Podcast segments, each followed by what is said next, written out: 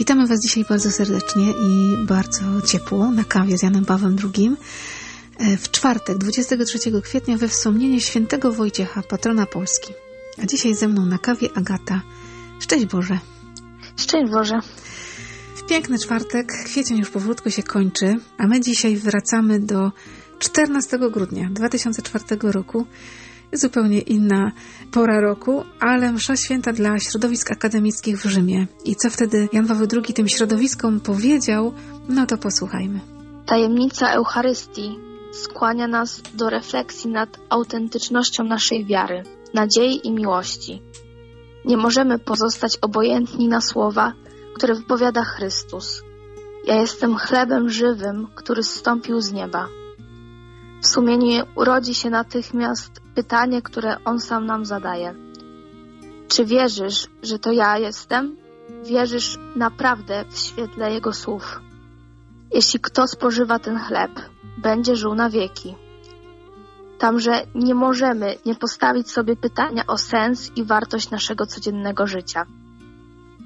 A cóż powiedzieć o pytaniu o prawdziwą miłość, które pojawia się, gdy rozważamy słowa Pana? Chlebem, który ja dam, jest moje ciało za życie świata. Tak, w tym samym chlebie eucharystycznym zawarty jest zbawczy dar życia, który Chrystus złożył w ofierze za życie świata. Czyż wówczas nie nasuwa się natychmiast pytanie, a moje ciało, czyli moje człowieczeństwo, moje życie, czy ono jest dla kogoś, czy jest pełne miłości do Boga i do bliźniego, czy może tłumi je i zniewala mój egoizm. Nieustannie poszukujecie prawdy, lecz do prawdy o człowieku nie można dotrzeć, mając do dyspozycji jedynie środki, których dostarczają różne dyscypliny nauki. Dobrze wiecie, że tę najgłębszą prawdę o człowieku, o nas samych, można odkryć jedynie dzięki pełnemu miłości spojrzeniu Chrystusa. On, Pan, wychodzi nam na spotkanie w tajemnicy Eucharystii. Dlatego nigdy nie przestawajcie go szukać, a odkryjecie we własnych oczach to pociągające odbicie dobroci i piękna, którymi On sam napełnił wasze serca, gdy dał wam swego ducha. Niech ten tajemniczy blask Jego miłości zawsze was prowadzi. Takie życzenia z miłością składam każdemu z was. Niech Syn Boży, który dla naszego zbawienia stał się człowiekiem, da wam odwagę niezbędną do poszukiwania prawdy o was samych w świetle Jego nieskończonej miłości. Nasz Odkupiciel jest już blisko. Wyjdźcie Mu na spotkanie. Tekst skierowany do środowisk akademickich, a ty jesteś środowiskiem akademickim, bo jesteś studentką, jesteś w duszpasterstwie akademickim. Jak odczytujesz ten tekst po tylu latach? 16 lat minęło od tego momentu. I czy dzisiaj, jak go czytasz, to nadal to jest aktualne dla Twojego środowiska akademickiego? No to się tak troszkę na początku zaśmiałam, bo na ostatniej kawie mówiłam o tym, że te słowa Jana Pawła II są cały czas aktualne po tylu latach. Teraz w obliczu tego wszystkiego, co się dzieje, tej pandemii, one nadal są aktualne. To jest mhm. zupełnie jakby coś takiego innego. Inaczej jest, jak się patrzy z perspektywy czasu, a inaczej, jak te mhm. słowa w ogóle dotykają takiej innej codzienności. To było dla mnie takie odkrycie, takie wow, że te słowa obojętnie kiedy, one zawsze jakby powiedzą nam coś innego, ale zawsze będą aktualne. No tak samo jak Słowo mhm. Boże. Czasem ma się takie wrażenie, jakby specjalnie coś święty napisał na ten moment te słowa, a przecież wiemy, że tak nie jest, no bo były wygłoszone w zupełnie innym momencie. Takie pierwsze zdanie, które też o tym świadczy, nie możemy nie postawić sobie pytań o sens i wartość naszego codziennego życia. Kiedy sobie postawić to pytanie? Teraz jest ten najlepszy czas, kiedy siedzimy, kiedy wreszcie mamy czas na to, żeby się przyjrzeć, jak my funkcjonujemy na co dzień. Tak, trochę ta sytuacja nas zmusiła, nawet jeżeli nie wszyscy fizycznie siedzimy w domach, bo niektórzy z nas pracują, ale jednak stajemy w obliczu czegoś tak innego niż dotychczas, tak niewyobrażalnie innego, że trzeba sobie postawić takie najważniejsze pytania o sens mojego życia, mojej wiary, mojego bycia z ludźmi. Jak ty się w tym odnajdujesz? Jest ciężko nieraz, szczególnie jeśli chodzi o Eucharystię. Całe szczęście, no, mam taką możliwość, gdzieś tam pojawiam się na akademickich dwudziestkach, więc dla mnie to jest niesamowity dar. Triduum było trudne.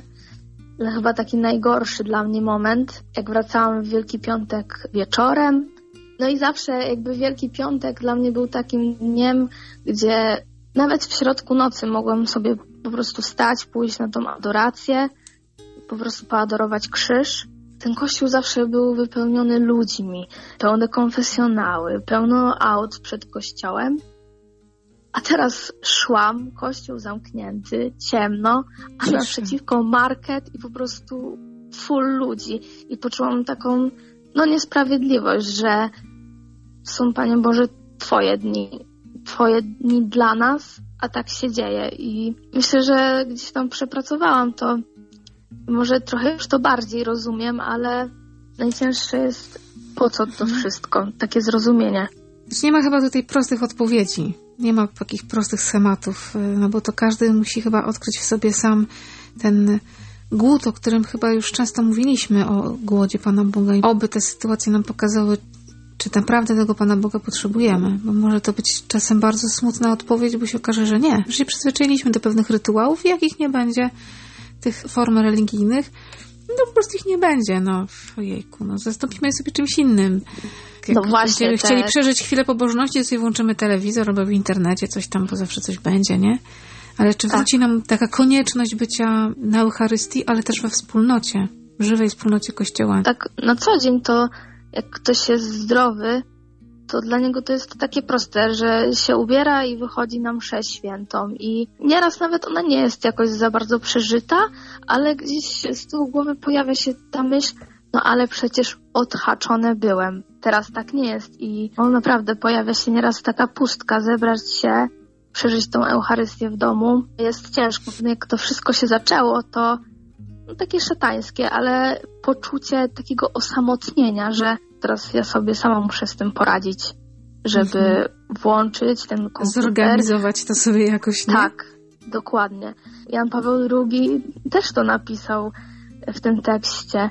On, Pan, wychodzi nam na spotkanie w tajemnicy Eucharystii. W tajemnicy Eucharystii, ale Eucharystia w kościele, no coś mi się tu nie zgadza, ale dalej Mhm. napisał i to jest przepiękne. Dlatego nigdy nie przestawajcie go szukać. To jest taki czas, gdzie każdy może go szukać na swój sposób. To dla nas jakieś zadanie i wyzwanie. I oby jak najszybciej było tak, że będziemy mogli w pełni wszyscy wrócić do kościoła. Już od poniedziałku 20 jest nam trochę łatwiej i abyśmy z tego korzystali. To, co było takie oczywiste i proste, to co mówisz, nie wymagało to u nas w Polsce wielkiego wysiłku pójść na mszę świętą. Kościoły są blisko i zawsze jest jakaś msza, a teraz trzeba zacząć szukać możliwości, sposobów. Też się nie zgodzić na to, że no, odłączę się zupełnie, bo tych możliwości trochę jest. Nagle zrobić jakiś wysiłek większy niż dotychczas.